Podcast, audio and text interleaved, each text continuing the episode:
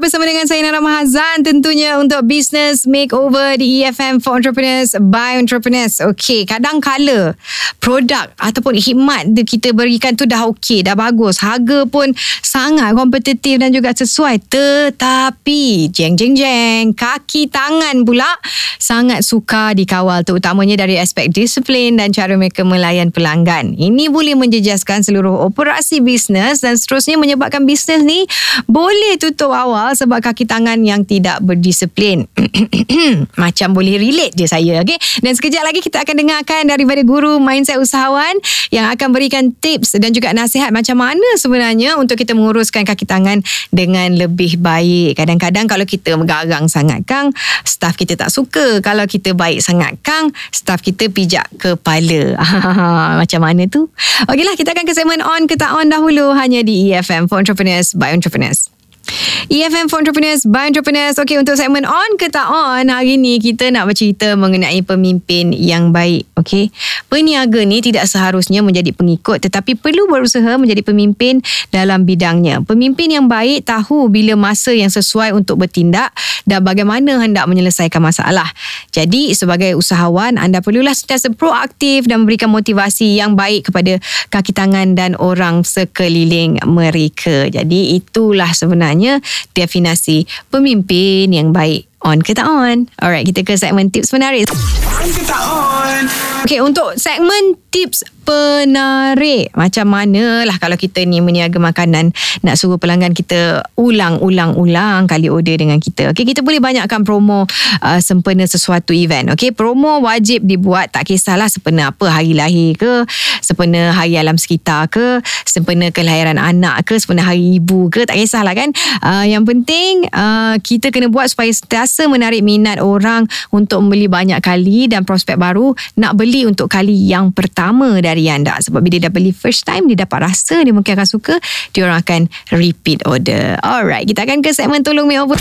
Tips menarik. tolong makeover. Ha apa agaknya kalau saya nak kongsi dengan anda ni kata-kata penting. Staff adalah aset tidak ternilai dalam sesebuah organisasi. Maksudnya kaki tangan uh, sangat penting dalam memastikan visi dan juga objektif sesebuah perniagaan itu berjaya.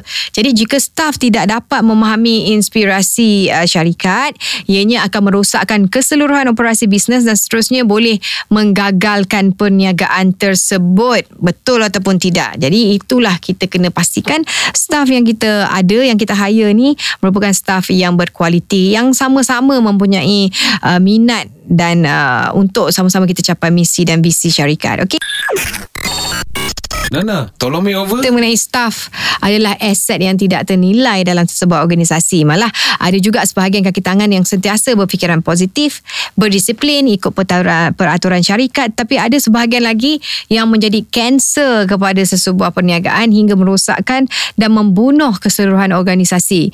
Bagaimana sebenarnya untuk usahawan mengubah dan menguruskan kaki tangan mereka agar uh, seiring dengan inspirasi syarikat dalam menjayakan perniagaan tersebut. Ah, jadi dengan itulah kita bawakan kepada anda guru mindset usahawan Tuan Haji Fazli Yusof yang akan memberikan nasihat di segmen cuba try test share untuk kita handle masalah-masalah staff ni. Try, test, share. Business Makeover di EFM for Entrepreneurs by Entrepreneurs Nana Mahazan di sini masih lagi menemani anda untuk segmen uh, cuba try test share. Uh, sekali lagi kita ucapkan selamat datang kepada Tuan Haji Fazli Yusof, guru mindset usahawan Yes. kita. Yes, hari ini topik yang sangat-sangat interesting pada saya. Mm-hmm. Uh, mungkin uh, kebanyakan dalam uh, 70% eh usahawan-usahawan yang telah pun saya temu bual mm-hmm. ada masalah dengan topik yang kita nak bincangkan hari ini. mm. Iaitu uh, pasal pekerja, staff mm. kan. Dan uh, mungkin sebelum itu uh, Tuan Haji mungkin boleh kongsikan secara ringkas mm. pengalaman lah. Uh, pengalaman Tuan Haji sama ini untuk bantu usahawan-usahawan untuk ubah mindset dia dari aspek uh, pengurusan kaki tangan. Yes, um, staff is tough. Ah, best lah Oh, quote urusan tu. staff ni memang tough ya. Staff is tough. staff is tough. Ah, Okay. Memang tough lah. Ya, tapi itulah cabaran usahawan kan. Bila mm-hmm. nak grow big- bigger, kita kena uh, develop team yang bagus. Mm-hmm. Uh, dan cap, pengalaman saya bila coachkan usahawan ni adalah... Ada tak masalah tu? Yes, saya permasalahan yang lebih awal ialah dia terlalu nak one man show. Mm-hmm. orang one man show ni adalah orang yang biasanya perfectionist. Mm-hmm. Bila dia bagi kat orang semua tak jadi, semua tak mm-hmm. bagus. Mm-hmm. Dia tak boleh nak compromise uh, standard tertentu ataupun dia tak nak invest time and and uh, fokus dia resources dia untuk bantu orang supaya pandai mm-hmm. mencapai standard dia. So akhir kali yang berlaku ialah ada orang usahawan yang one, one man show which is saya tak galakkan one man show ini. Mm-hmm. Tetapi di peringkat awal boleh dia, dia ada satu strategi dipanggil bootstrap. Mm-hmm. Bootstrap adalah strategi yang mana kita buat dulu sendiri mm-hmm. apa yang kita boleh buat. Sehinggalah benda yang kita buat itu memakan masa secara tidak produktif. Hmm. Dan kita boleh outsource kepada team. Mm-mm. So team boleh jadi associates iaitu orang yang tidak dibayar gaji bulan-bulan tapi dia boleh panggil bila-bila masa. Okay. Associate eh, kita panggil freelance mm-hmm. kan, contractor lain, outsiders lain yang kita boleh uh, bawa masuk. Tidak semestinya kita terus hire orang. Mm-hmm. Uh, sebab bila kita menggajikan orang sebagai kaki tangan dia ada beberapa uh, tanggungjawab tanggungjawab lain lah dari hmm. segi perundangan dari segi kewangan dari segi sistem dan sebagainya hmm. jadi cabaran saya sebelum ni bila coaching usahawan-usahawan ialah untuk bina perspektif yang betul mindset yang betul hmm. terhadap bila masa kita nak one man show bila masa kita perlu berubah untuk untuk bangunkan uh, pasukan kaki tangan tersebut. Mm-hmm. Dan macam mana untuk mendapatkan tim yang baik, ha, itu pun ada skill juga yang perlu kita belajar. Kena analyse orang jugalah kan masa kita nak bagi interview tu sebenarnya kan. Oh yes, ah. semestinya. Ini skill yang patut dipelajari lah. Jangan main ambil je. eh. ha. dah, dah, dah. Ni okey, ni okey. Ha. Masa nah, tiga bulan nangis. KO. Ha, KO ada yang yang apa tu yang apa ni curi duit lain, yang curi tulang lain, hmm. yang hmm, curi-curi tak datang pun hmm, ada. Curi hati ada juga. ah, ada juga jadi jodoh punya. Aduh. Okey, kita akan sambung selepas ini.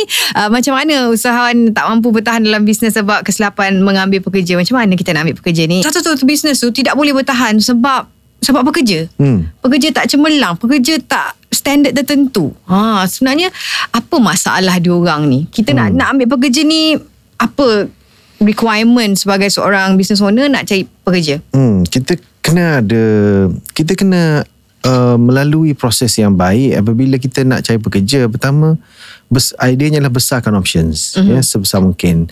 So option bermula dengan resume.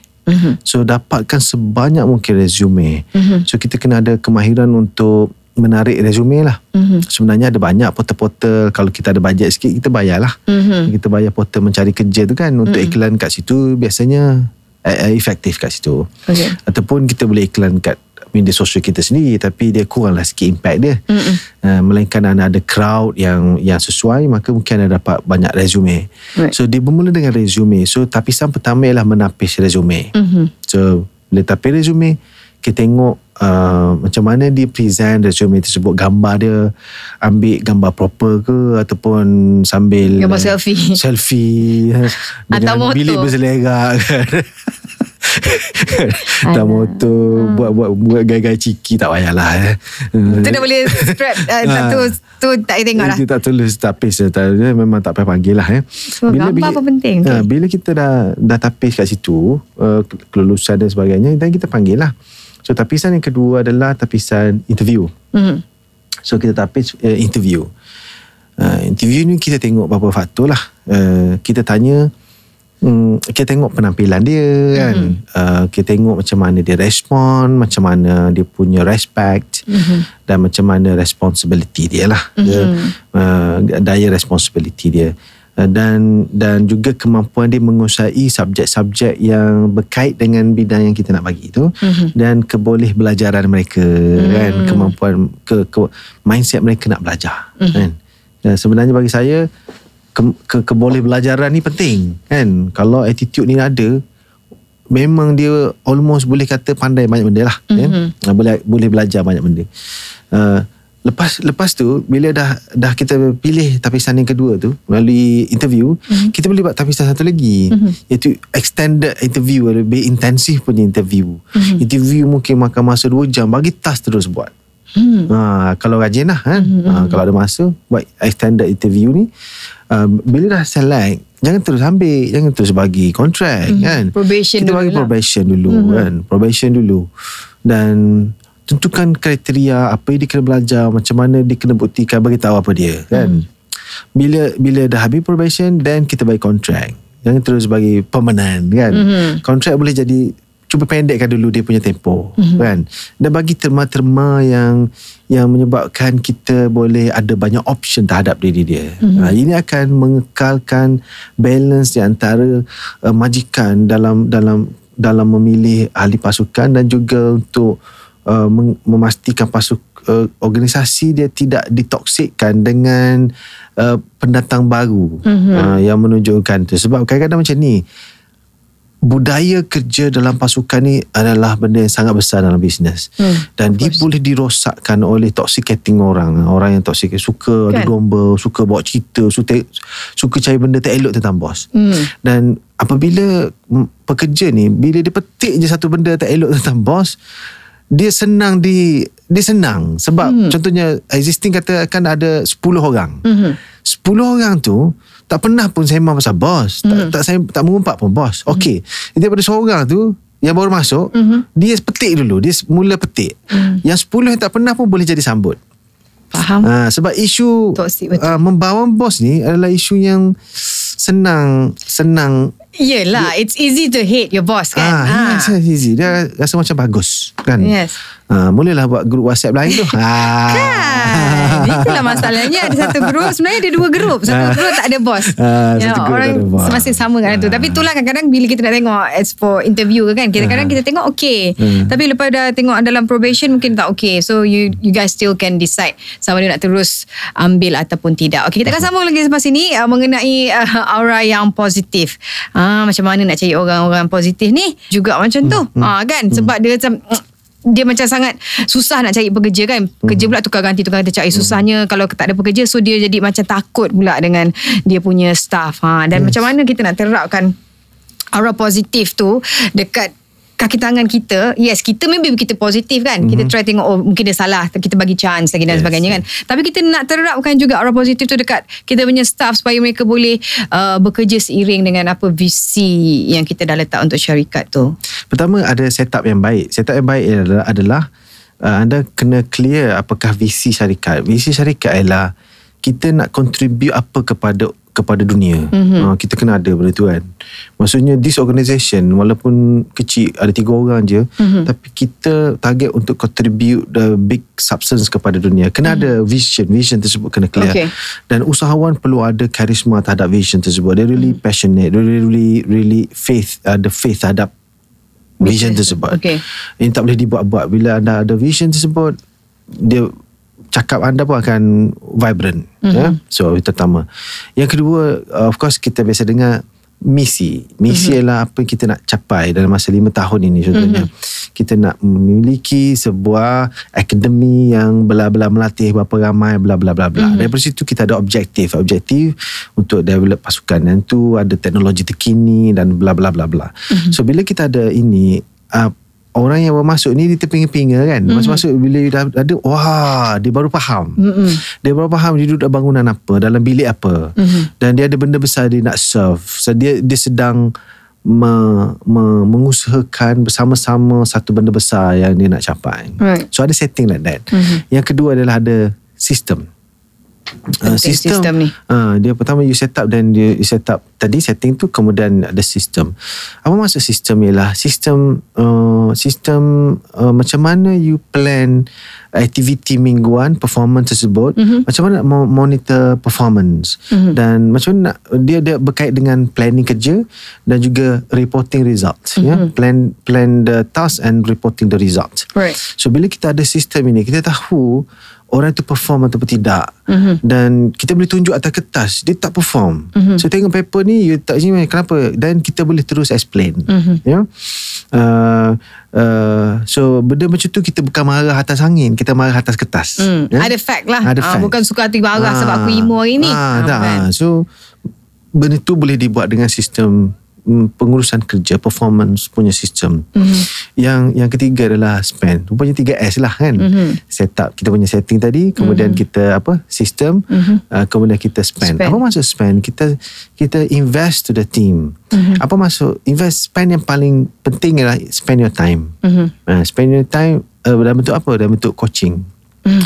Coaching ni kita nampak benda susah sebenarnya simple je kita datang office kita spend like uh, seminggu kita jumpa kalau kalau contohnya kita jumpa seorang tu dah 5 minit hingga 10 minit. Mhm. Ada soalan-soalan coaching yang powerful. Just tanya 3 hingga 5 soalan je. Hmm. Dengar dan respon dan suggest beberapa solution. Mungkin solution tu bagi buku dia baca je. Mm-mm. Kan? You tak perlu tahu semua benda ataupun bagi link YouTube yang dia tengok je. Mm-mm. Kan? Tetapi bila ada conversation like this, you tanya 3 4 soalan. Dia ada soalan powerful question. Saya saya ada share dekat media saya lah dekat YouTube dekat dengan Facebook saya.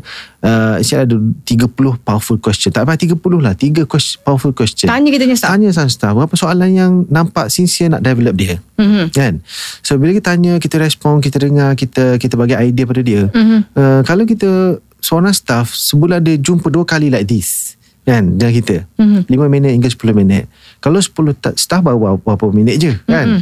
But inilah masa Yang menyebabkan Dia rasa kita ni Concern about Dia punya Dia punya Dia punya uh, Career path kat situ.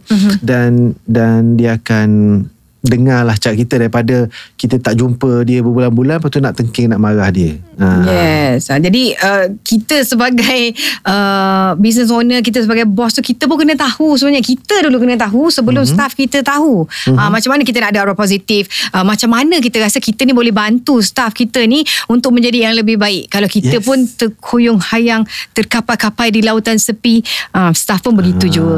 yeah.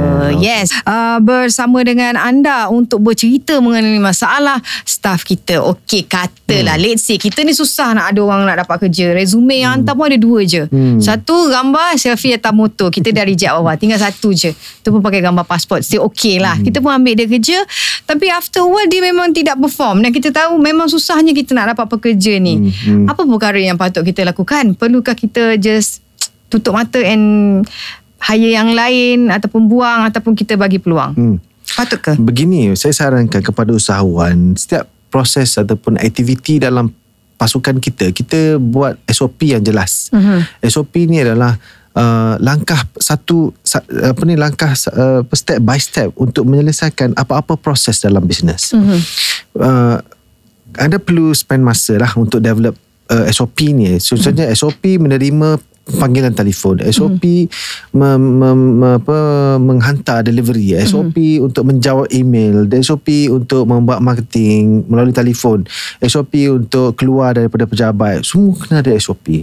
Bila ada SOP ni, kita tahu bahawa the technology of the operation bukan pada orang tapi pada sistem. Mhm. Nah, jadi yang kita duk risau ni adalah bila kita keluar nanti benda tak jalan. Mhm. Nanti aku membuta nanti tak tahu apa.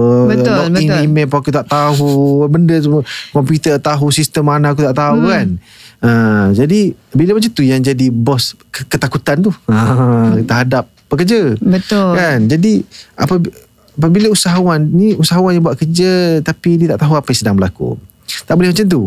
Kena ambil tahu. Kena ambil tahu At least anda develop SOP SOP tu di tangan kita Jadi bila Kalau katakan Ada orang itu Dia tak perform Sangat Mhm. teruk performance dia Dan probation dia Baru masih probation Senang Mhm. Boleh berhentikan saja Ataupun kontrak dia dah nak habis Senang Ataupun dia Dia tadi tak Consistently Berapa minggu tu Atas kertas memang tak perform Kita boleh tunjukkan dia tak perform Mhm. Ha, so kita ada banyak cara untuk berhentikan dia mm-hmm. dan jangan takut berhentikan kaki tangan. Tak sampai Ha. hati kadang-kadang. Aduh lah. Sebab dia tak sampai dia sampai hati dengan kita, kita tak sampai hati dengan dia. Jadi Itulah. tak kesampaian lah. Sebab kita orang baik. ya. Jadi kita gunakan apa ni kebaikan untuk jalan kebenaran lah. Baik, Ya. faham. kita gunakan kebenaran apa ni kebaikan dengan jalan kesalahan. Mm-hmm. Jadi uh, adik sebab kita say, kita sayang kita kita tak sampai hati tapi yang lebih penting bagi kita adalah pelanggan kita yang berhak untuk dapat servis terbaik. Betul kan? Betul. Ha, sekali dapat orang yang jawab email K saja kan. Geram je reply K. Geram je. Apa ha. So kita bukan nak protect. Kita kita kesiankan dia tapi kita lebih kesiankan customer. Kita Correct. kesiankan business entity ni. Kita business ini nak pergi jauh. Business Mhm. mm-hmm. ini nak serve million of people. Mm-hmm. Jadi in order to protect this value yang business ini mampu lakukan, saya kena berhentikan. Sebab Yes. kat luar sana ada ramai lagi yang layak dan nak berada di sini. Ha, so jadi Nak tak nak Hmm. kita kalau kita macam kita ni pecat dia pakai SMS boleh. Bye. tak payah datang esok. Uh, okay. Okay. tak boleh lah eh. Hmm. Tak professional lah pula Tak macam tu kan. profesional. Ada, Always ada, ada tata cara je Mhm, kan of dengan course. Mhm. surat dengan proses due proses sebagainya tengok engagement setakat mana kalau dia probation mungkin lebih mudah Mhm. kalau kontrak itu katakan tak lama tunggu mungkin tunggu habiskan kontrak tersebut kan Mhm. tak renew kan ataupun you dah consistently setiap minggu laporan asyik tak bagus appraiser. Anda boleh buat appraiser setiap minggu kan? Performance punya evaluation dengan. Right. sistem yang disebut tadi. Dan daripada konsisten tadi kan boleh tunjuk warning pertama warning kedua kan? So prosesnya Kan dia- so semuanya valid Boleh. Hmm. ha, Kalau based on fact Then it's fine. Kalau dengar daripada orang "Eh, Ada pula batu api Kan? Kat situ Hmm. Bos tahu tak bos? Si Fulan si Fulan ni dia curi tulang tak datang kerja. Ha, Macam tu. Ada pula orang report. Betul yang, yang yang report tu kita buang kan? Yes, Sebab yes. dia toxic juga ha, Yang kena report pun buang. Itu semua buang. Semua buang. Lepas tu kita jadi lah. one man show balik. Insan terbuang lah. Alright, kita akan kembali selepas ini. Kalau uh, kita nak tahu apakah uh, teknik-teknik memilih pekerja yang boleh bersama syarikat setiap masa susah dan senang. Ada ke orang yang sanggup kerja uh, dengan syarikat susah dan senang ni? Dan hadam apakah misi dan visi syarikat yang tak berdisiplin pun lain kan, yang menjawab pun lain kan. Kita kalau mencari pasangan kekasih mungkin hmm. ada yang sudi susah dan senang. Hmm. Uh, pekerja tu Ah, KIV hmm. nama dia. ah, macam mana pendapat Tuan Haji hmm. dalam memilih teknik pekerja? Ada tak formula ke macam okey, hmm. tadi kita tengok resume kan hmm. yang ka- kalau gambar kita dah boleh buang. Hmm. Ah, mungkin kelayakan dia dan sebagainya. Tapi dari segi kita nak baca karakter tu, hmm. adakah usahawan ni kena kena tahu juga nak baca karakter dan macam mana? oh, dia begini um, ada dua perbahasan ada perbahasan dalam memilih pekerja Mhm. adakah kita memilih skill ataupun attitude Hmm. hmm, yang mana ke mana kita pilih pilih skill ke pilih attitude Mana lebih baik eh? Dia tak ada yang conclusion like that. Dia macam ni, kalau korporat besar, Mhm. Normally mereka pergi pada skill. Sebab apa? Sebab kalau ada masalah attitude pun, dia ada HR yang kendalikan. Okay, got it. Ah, you problem semua terminate panggil baru. Mm nak bawa masuk resume pun orang ada duit je pun kan? Nak nak letak kat portal-portal tu dapat senang-senang je kan? Ada so, so Tu company besar lah. ya ada, ada ada kawan, saya baru hari tu post dia nak 10 je resume. Dia post kat portal sekali 500 Tiga ribu tak Seribu lima ratus Ayuh. Seribu ribu Ha. Dia Aku nak proses macam mana kan So dia ada duit Dia boleh Boleh recruit anytime Tak ada masalah Hmm. That's why Most of the corporation Besar Big corporation Mereka go for skill Skill, okay. Ha, Dan uh, uh, Apa ni Pejawatan dia orang pun Dinilai dengan Beberapa keperluan yang Telah dinilai mm-hmm. Mereka tahu dia nak skill ini dan dan dia ada supervisor ada macam orang ramai untuk menilai Mhm. uh, performance tersebut. Jadi elemen attitude tu tidak terlalu penting. Mhm. Mm-hmm. Tetapi bagi usahawan yang yang micro dan SME, kita mm-hmm. tak ada HR. Betul. Sendiri pun kita lah. ha, kita kita tu kode office aku tinggal kau kan. Uh-uh. Aku pergi appointment lah apa benda lah kan. Mm-mm. Pergi masuk saya skala kan. Betul. Ha, nampak betul kan? Macam tu lah kan. Betul. Ha, jadi kita tinggal kat dia. Tapi jadi elemen attitude penting. Mm-hmm. Ha, dari segi kejujuran, uh, Amanah. amanah kan. Uh, ke, Disiplin. proaktif, disiplin, mm-hmm. semua benda tu lah. Jadi for me untuk us- usahawan SME micro attitude penting. Mhm. Dan saya percaya skillnya bukannya crucial sangat. Mhm. Bila memilih pekerja uh, kerja-kerja macam pengurusan pejabat, Mhm. hantar apa susun ini, ini tu bukannya skill yang perlu dia belajar dari di universiti kan. Mhm. Jika anda memerlukan benda-benda yang complicated like computer programming, Mhm. uh, mungkin hiring is not the first choice. You outsource dulu. Yeah. Ha, outsource dulu. Associate, ramai freelancer kat luar. Mm-hmm. Kan bayar base project kan. Mm-hmm. Tetapi kita nak pekerja-pekerja tolong bungkus, tolong mm-hmm. packing. Mm-hmm. Ini bukannya skill besar. You tak Betul. perlu skill pun. Tak mm-hmm. perlu orang dalam jurusan packaging kan. tak ada pun kan. Okay. Ha, kan. Jadi benda tu attitude is important. Mm-hmm. Right. So macam mana nak uh, susah dan senang Okay Bila kita Bila kita Pertamanya kita uh, Macam mana nak retain lebih lama Mhm. Kita kena berikan mereka career path ya, Laluan kerjaya kepada mereka Mhm. Dan bagi saya Keluar Apa datang apa ni orang datang dan pergi dalam bisnes uh, sebagai pekerja mm. dia bukan benda yang perlu ditangisi. Mm-hmm. Sebagai usahawan kita kena ada jiwa yang kuat because of tadi saya sebut pasal SOP SOP bila kita ada SOP tak ada masalah. Mm-hmm. Uh, yang baru datang it takes about 2 weeks dia dah pandai dah buat kan. Correct. Mm-mm. So must go on. Daripada kita belajar lah kita cuba improve lah daripada mm-hmm. situ sebab mm-hmm. sebagai saya setiap industri uh, dan business model berbeza dia ada dia ada dia ada dia ada benda yang lebih detail terperinci yang anda lebih tahu mm-hmm. bagaimana untuk mewujudkan environment setting yang terbaik dalam sebuah bisnes mm-hmm. tapi idea secara generalnya apabila kita boleh berikan career path pada dia mm-hmm. dia lebih rasa selamat dia mm-hmm. rasa psychologically uh, safe mm-hmm. berada di organisasi tersebut. Right. So, career path ni macam mana? Saya bagi sikit idea kepada usahawan. Anda hanya boleh anda boleh beri career path yang baik kepada pekerja anda mm-hmm. apabila anda ada expansion business, business plan, business expansion mm-hmm. besar. So, contohnya bisnes itu mula besar dari segi ada cawangan-cawangan mm-hmm. then you can plan like dia jadi a manager kepada cawangan-cawangan mm-hmm. contoh ataupun dia dia uh, uh, expand dari segi ada side business mm-hmm. artinya Bisnes kita tu banyak orang nak menghantar-hantar barang delivery. Mm-hmm. So mungkin ada side business ialah satu company diwujudkan untuk deliver. Mm-hmm. So deliver business uh, produk kita dah deliver bis, uh, produk associates kita. Mm-hmm. Uh, jadi kita boleh buat side another another sideline business. Mm-hmm. Pada waktu tersebut kita boleh berkata hey bila kita buat ni 3 tahun lagi you become the director. Uh, wow. So bila kita boleh besarkan uh, size business kita, kita boleh berikan career path yang baik kepada orang hmm. lain. Dan satu lagi ialah kita akan uh, berikan career path kepada orang yang bakal menjadi pewaris kita. Hmm. Uh, sebab dalam bisnes tak sama-lamanya you nak jadi apa ni operator ataupun dia pergi ke level next level in the business that you bukannya self employed, you hmm. bukannya uh, uh, business, business owner, owner you pergi pada satu level dia panggil investor investor ialah you memahami office pun. Uh, you hmm. memahami business you you develop business model dan hmm. everything done by the executive Uh, so pada waktu tersebut you perlukan ramai leader-leaders mm-hmm. uh, yang ni yang kita invest kepada mereka bina mereka sebagai so called macam brotherhood kat situ right. uh, yang yang lain tu kamego kamego bila ada orang yang berjaya tunjukkan dan really passion dengan apa yang anda buat mm-hmm. dengan diri anda dengan organisation dan berikan yang terbaik untuk mereka. Yes, dan sebenarnya kan saya rasa kalau lepas ni saya nak buat uh, audition pula, nak buat apa tu uh, interview, uh-huh. kita kena jawab satu soalan. Soalan hmm. uh, macam quiz uh, personality anda. Ah, kan ada kan dekat yes, online tu ha. Dia personality test ada ha. banyak. Personality ah, test.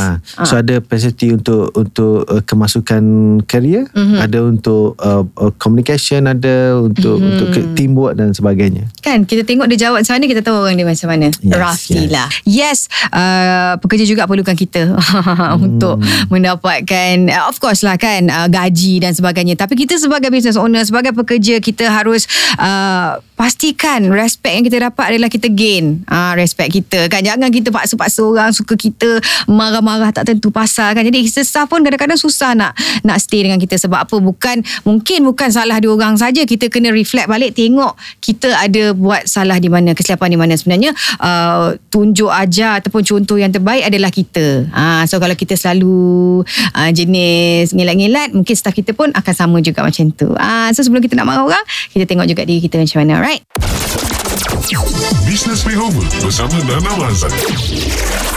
EFM for Entrepreneurs by Entrepreneurs. Alright, sampai di sini sahaja saya bersama dengan anda. Besok kita akan kembali lagi. Kita akan bincangkan topik mengenai pengurusan tengah, uh, tekanan emosi di kalangan usahawan. Jadi, 7.30 pagi hingga 10 pagi kami akan kembali besok di www.efm.live.